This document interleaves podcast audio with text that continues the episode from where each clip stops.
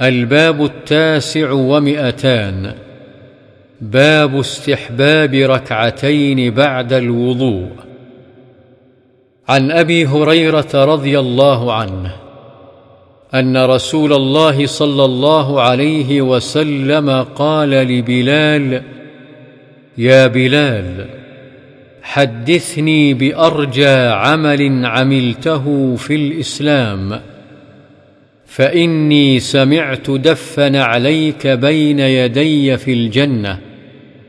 قال ما عملت عملا أرجى عندي من أني لم أتطهر طهورا في ساعة من ليل أو نهار إلا صليت بذلك الطهور ما كتب لي أن أصلي.